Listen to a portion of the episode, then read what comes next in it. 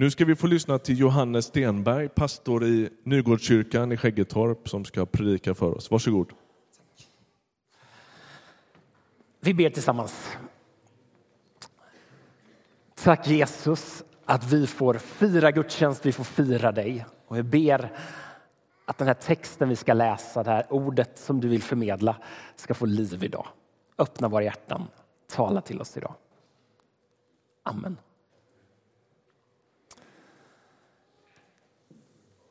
Jättekul att få vara här igen. Nygårdskyrkan relaterar ju till Ryttargårdskyrkan som moderförsamling. Ryttargårdskyrkan är vår moderförsamling och det är vi väldigt glada för. Det är stöd. Ni visar på många sätt att ni ber för oss. Det är värt väldigt mycket.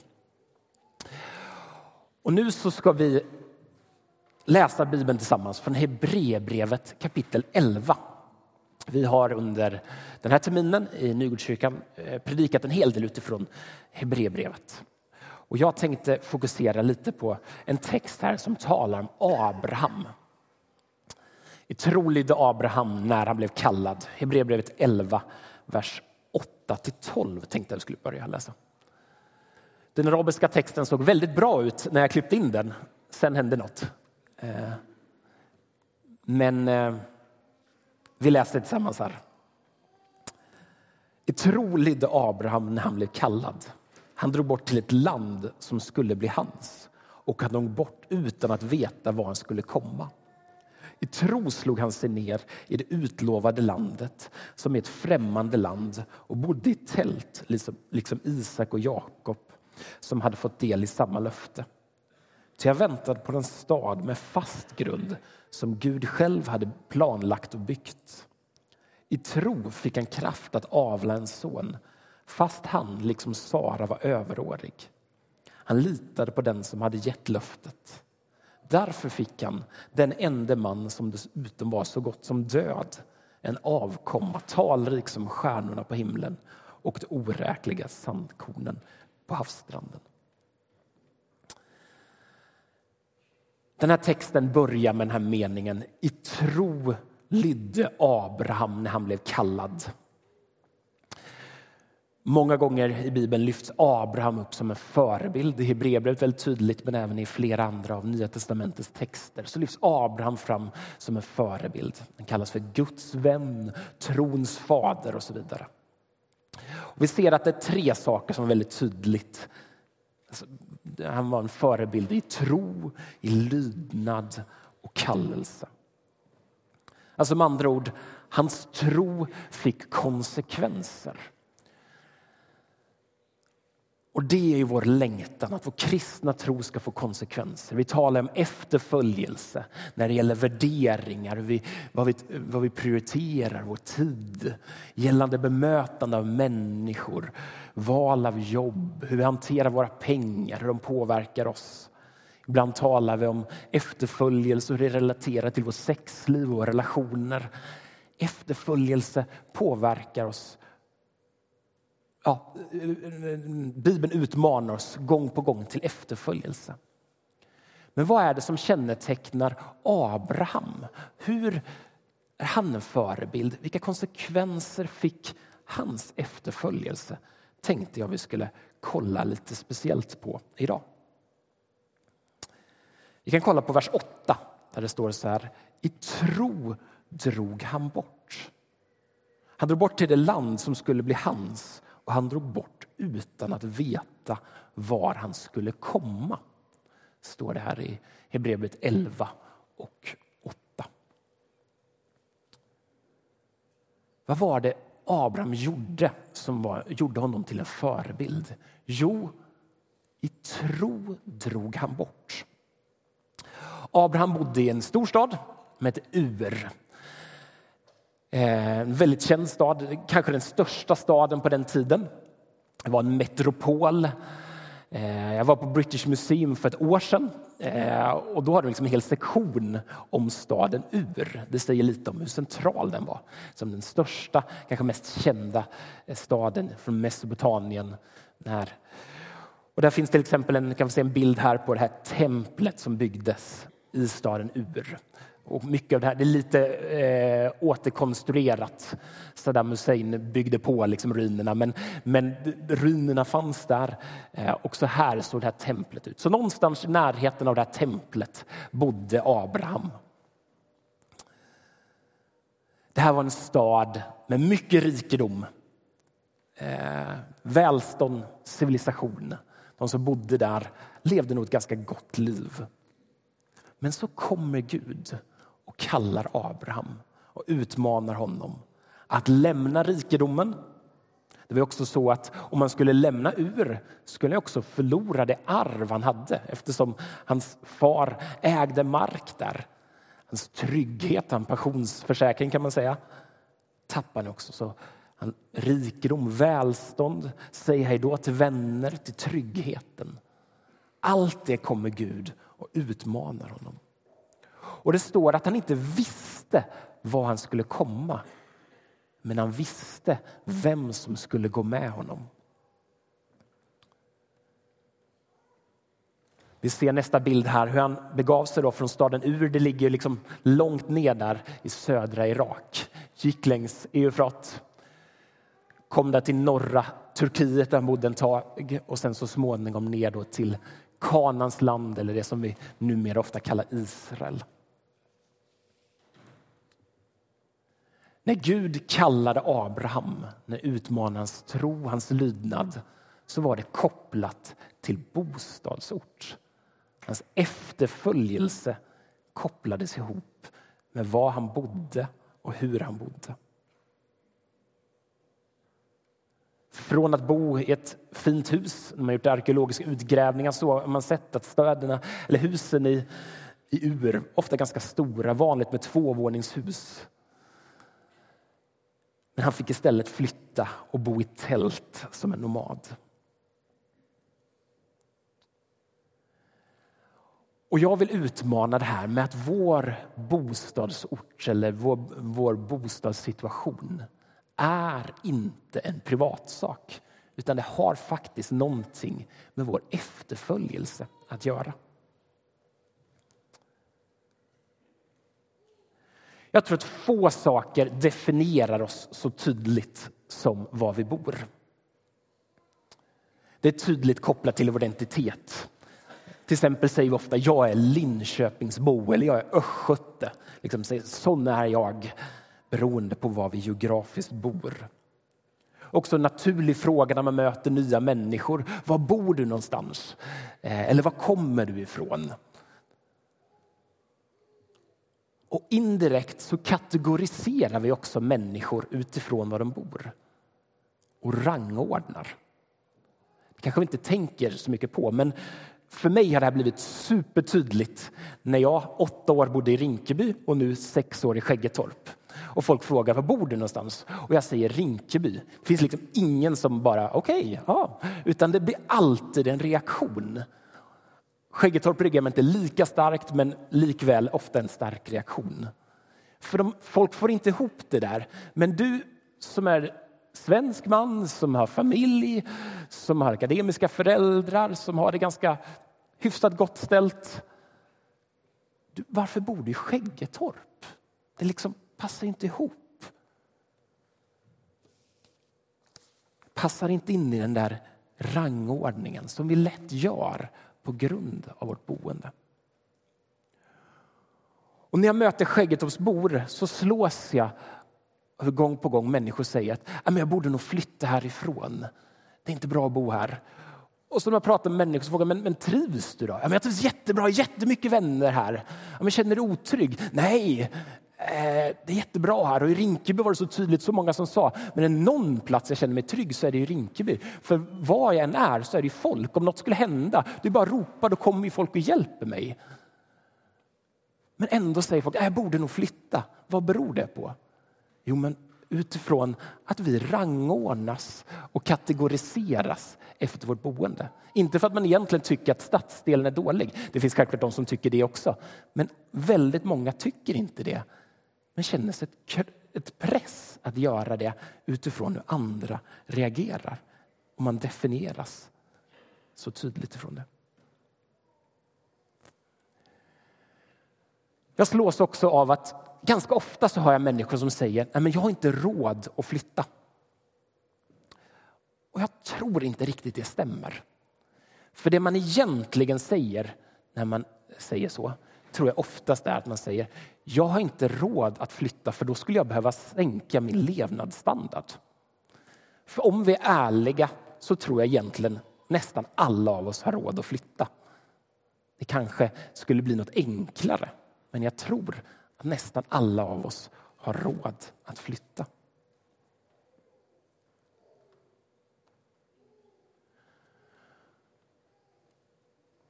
Ett bra boende här kan ju verkligen vara en välsignelse. Att ha ett stort hus där man kan ha gästfrihet, där man kan bjuda hem folk kan vara en enorm välsignelse. Vi behöver också ett boende där vi kan må bra, slappna av, trivas.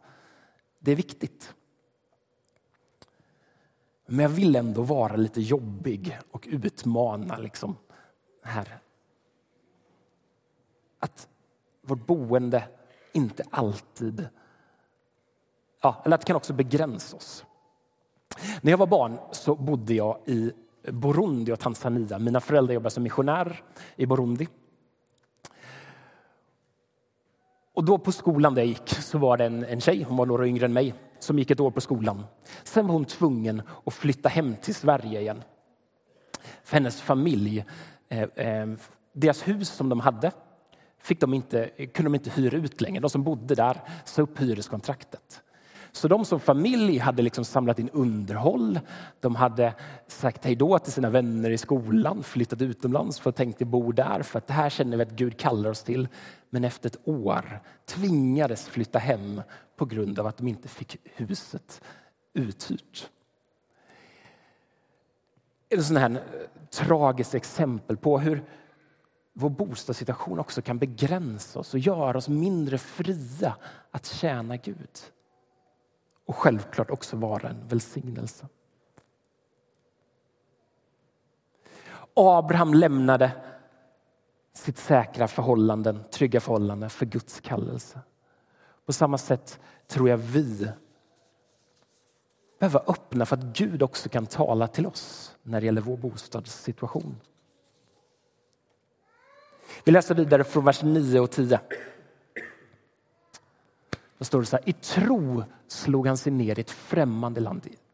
I tro slog han sig ner i utlovade landet som ett främmande land och bodde i tält liksom, liksom, liksom Isak och Jakob som hade fått del i samma löfte. Till han väntade på en stad med fast grund som Gud själv hade planlagt och byggt. Gud kallar Abraham att flytta.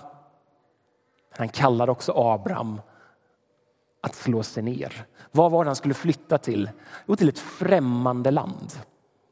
Det som är främmande, det skrämmer oss. Det är liksom psykologiska och sociologiska orsaker, orsaker som gör att det skrämmer oss.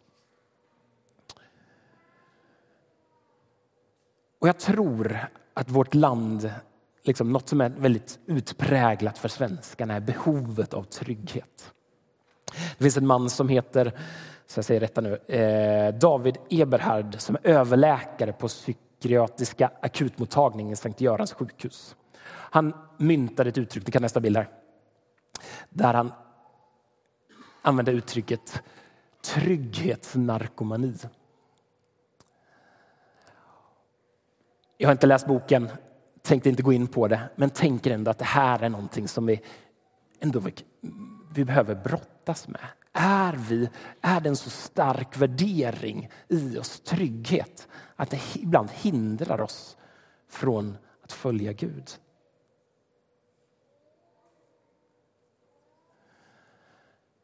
Varför reagerar folk så starkt när jag, när jag säger att jag bor i Skäggetorp eller har bott i Rinkeby? Jo, men jag tror mycket det är kopplat till trygghet. Man säger att jag vill inte bo där för jag skulle känna mig så otrygg.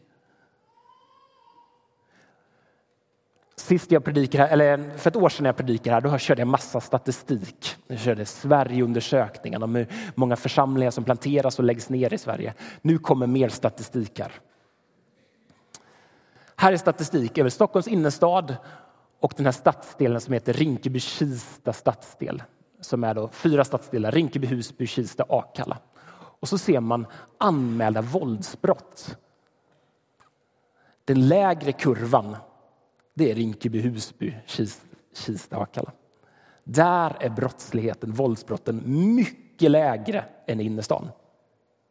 Var tror ni folk vill bo? Folk vill bo i innerstan. Folk betalar liksom många, många gånger mer för att bo i innerstan. Och så använder man argumentet, men jag vill inte bo i Rinkeby Husby på grund av trygghet. Det stämmer ju inte. Skulle, man, skulle det vara argumentet, då är det mycket bättre att bosätta sig i Rinkeby Husby än att bo i innerstan i Stockholm. Men vi tror, vi har en, en falsk bild av verkligheten. Jag kan ta nästa bild.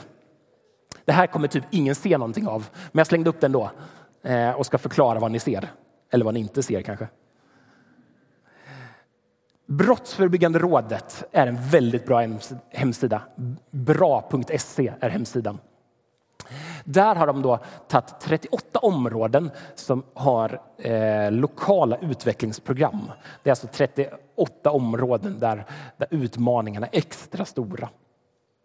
Och så ser ni där, den eh, gröna, där är antalet våldsbrott i hela landet. Eh, ska vi se. Ja, och Skäggetorp eh, är det röda. Det är ganska slående. Det är inte så mycket mer våldsbrott i Skäggetorp. Jag kan ta nästa bild.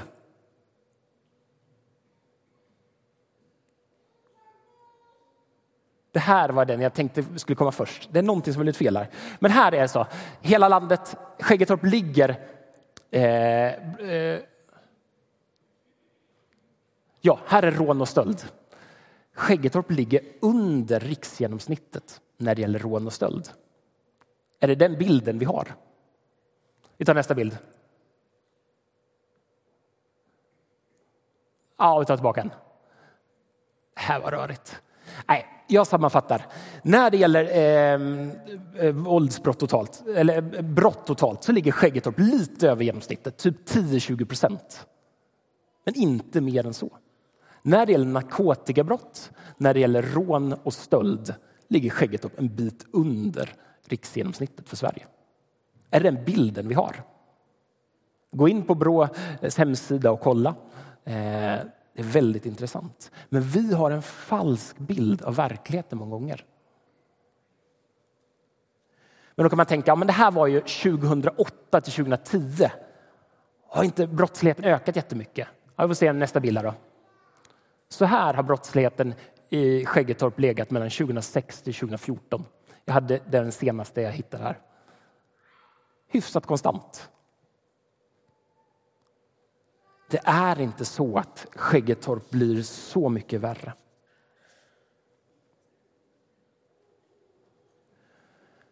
Varje vecka får jag en, eh, ett mejl för Linköpings kommun eh, tillsammans med polisen och andra aktörer samlas varje vecka för att bedöma liksom, eh, säkerhetsläget och liksom vilka utmaningar som finns framförallt i Skägget och Bryd och Berga. Så varje, varje vecka dyker ner ett mejl där det står liksom, vad har hänt i Skäggetorp? Ofta står det något sånt som att, stil med att ja, men en, en eh, papperskorg har brunnit eller det har klottrats någonstans. Eller så. Men sällan så är det så mycket värre rapporter än så från Skäggetorp. Ni kan få den här veckans rapport.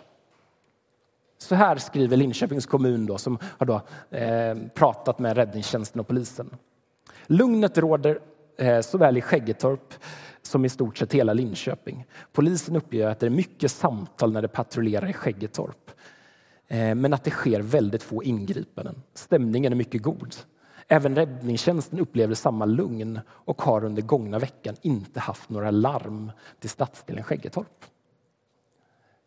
Det här är liksom veckans rapport. Eh, det är inget censurerat, ingenting. Eh, ni får gärna kolla mina källor sen. Framförallt eh, liksom, statistiken är ju från Brå, Brottsförebyggande rådet, som jag tänker är en ganska tillförlitlig källa. Och det här är Linköpings kommun.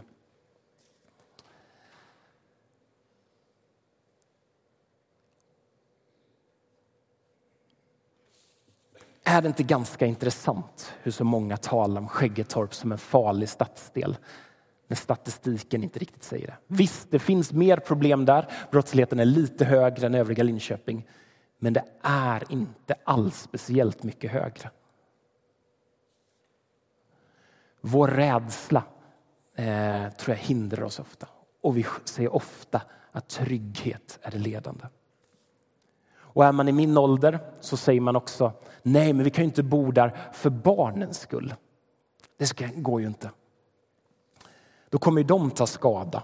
Och jag vill verkligen säga att när det gäller det här så finns det inga lätta svar.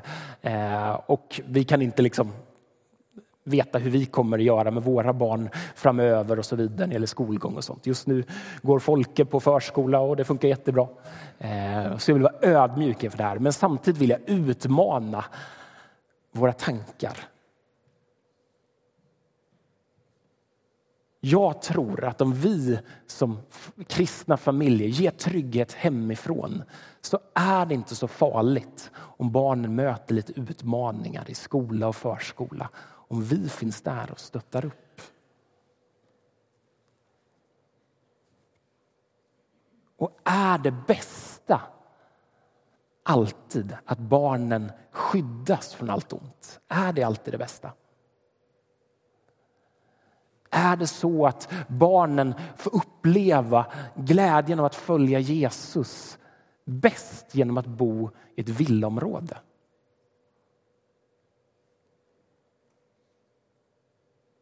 Själv är jag så otroligt tacksam till mina föräldrar att de vågade följa sin kallelse, åka som missionärer till Afrika. Som tonåring bodde jag i Burundi. Det var nästan inbördeskrig i landet om åren. Eh, det var mycket farliga saker som hände där. Eh, men att jag fick se hos mina föräldrar hur mycket Gud betydde för dem, det var otroligt värdefullt för mig. Men också se hur de var så mån om mig och att det inte var något motsatsförhållande. Så jag tror verkligen att vi behöver utmanas i vårt tankesätt att det inte alltid är bäst att skydda och att om vi följer Gud när han kallar så kan faktiskt Gud göra något väldigt bra även för vår familj. Än en gång, det finns inga enkla svar, men låt oss utmanas i den här trygghetsnarkomanin som jag tror många av oss lätt fastnar i. Tredje och sista punkten här. I tro litade han på den som hade gett löftet. I tro fick han kraft att avla en son fastän han liksom Sara var överårig. Han litade på den som hade gett löftet. Därför fick han den ende man som dessutom var så gott som död, en avkomma talrik som stjärnorna på himlen och de oräkneliga sandkornen på havsstranden. I tro fick Abraham ta emot det löftet. Han följde kallelsen, fick ta emot löftet. Vi kan läsa i Första Mosebok 12 också. Om hur Gud kallar Abraham. Då står det så här. Herren sade till Abraham, gå ut ur ditt land och från din släkt och din fars hus och bege dig till det land som jag ska visa dig. Där ska jag göra dig till ett stort folk. Jag ska välsigna dig och göra ditt namn stort och du ska bli en välsignelse. Jag ska välsigna dem som du välsignar och förbanna dem som förbannar dig. I dig ska alla släkter i jorden bli välsignade. Spännande arabiska blev det. Jag ber så mycket om ursäkt. Gud kallade Abraham att bli ledare för ett stort folk när han inte hade några barn. Men han litade på Gud. Och Gud kallar honom att vara en välsignelse för folken. För världen. Hur kan vi bäst vara en välsignelse för världen? Jag vet inte, men ett sätt som jag tror vi kan vara välsignelse är när det gäller integration. När det gäller integration så skulle jag hävda att det är ju liksom något som ofta lyfts fram att det är liksom samhällets kanske största utmaning just nu. Men jämförelsevis med en del andra utmaningar vi har i samhället ska jag säga att det är ganska litet, eller ganska lätt att lösa. Alltså, skapa jobb, det ska jag säga är en ganska svår grej att göra. Psykisk ohälsa är en ganska svår grej. Men integration är ju egentligen rätt lätt. Det enda man behöver göra är att vi som är hyfsat integrerade flyttar till stadsdelar där människor bor som har svårt att integreras i samhället. Om vi gör det så blir det ju integration. Det är ju inte svårare än så. Och om vi gör det så blir det också ett otroligt statement mot de människorna som bor där. Att vi tror på den här stadsdelen, att vi tror på de människorna som bor där. Annars skulle vi inte flytta dit, annars skulle vi inte sätta våra barn i förskolan här.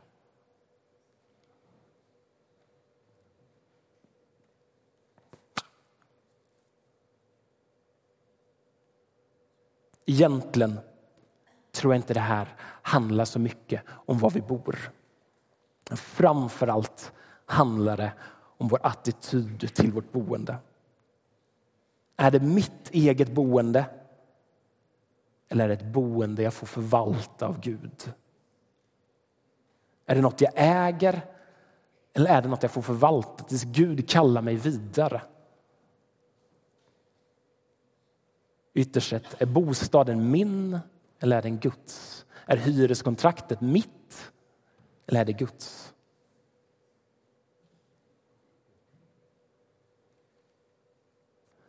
Som jag sa innan så, så är det få saker som definierar oss så tydligt som vårt boende. Om Hebreerbrevets författare talar om det, så vi kan äh, ehm, tala om det också. Vi läser från vers 13 till 16 här också. I tro dog alla dessa utan att fått vad de hade blivit lovade. De hade bara sett det i fjärran och hälsat det och bekänt sig som gäster och främlingar på jorden. Det som talar så visar att de söker ett hemland. Och om de hade tänkt på det land som de hade lämnat kunde de ha återvänt dit. Men nu längtar de till ett bättre land, ett i himlen. Därför skäms inte Gud för dem utan de får kalla honom sin Gud. Han har ju grundat en stad åt dem. Vårt sanna hem är inte vilken gatuadress vi bor på. Det är himlen. Där är vårt permanenta boende. Sen har vi tillfälligt boende i Skäggetorp, Ljungsbro, ja, T1, vad det nu må vara. Vi är pilgrimer, vi är gäster och främlingar här. Och jag tänker att det här är en viktig fråga. Hur ser vi på oss själva? Ser vi oss som bofasta eller ser vi oss som pilgrimer?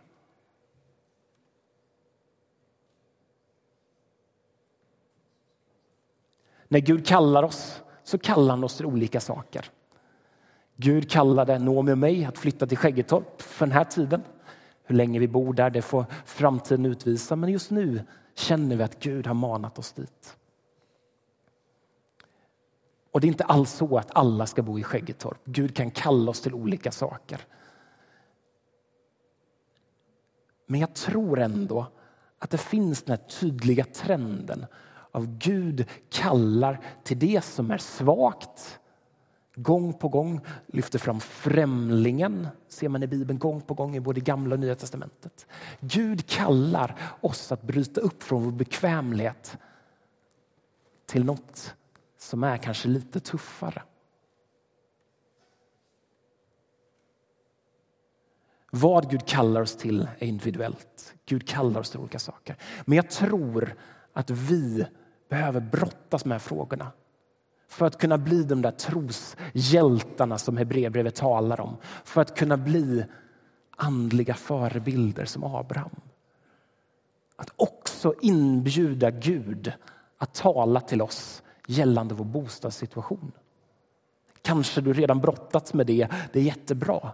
Men har du inte gjort det? Våga brottas med det. Kanske upplever du inte att Gud talar. Ja, då kan du släppa det. Men var öppen för att Gud kanske vill tala även när det gäller det här. Kanske du upplever att Gud kallar dig till att flytta någonstans och vara med och plantera nya församlingar. Det är något som präglar Ryttargårdskyrkan mycket. Längtan att se fler församlingar planteras. Jag är ju en del av det i Skäggetorp, Elinor i Berga. Men vi drömmer om att se fler. Kanske Gud vill tala. Slutligen här tre frågor som kan få ligga här som ni kan få brottas med. Vem äger ditt boende? Var är ditt verkliga hem? Ser du dig som bofast eller pilgrim? Vi ska alldeles strax ha bönestationen, men jag ber en kort bön innan dess. Tack Gud att du kallar. Tack att du kallar oss att följa dig, att lyda dig. Tack att du vill kalla oss idag, du vill utmana oss idag. Du utmanar oss på olika sätt till olika saker, men gör oss redo att följa dig oavsett var det är, oavsett på vilken plats det är, oavsett vilken bostadssituation det är. Tack att vi får lita på att du går med oss i allt. Amen.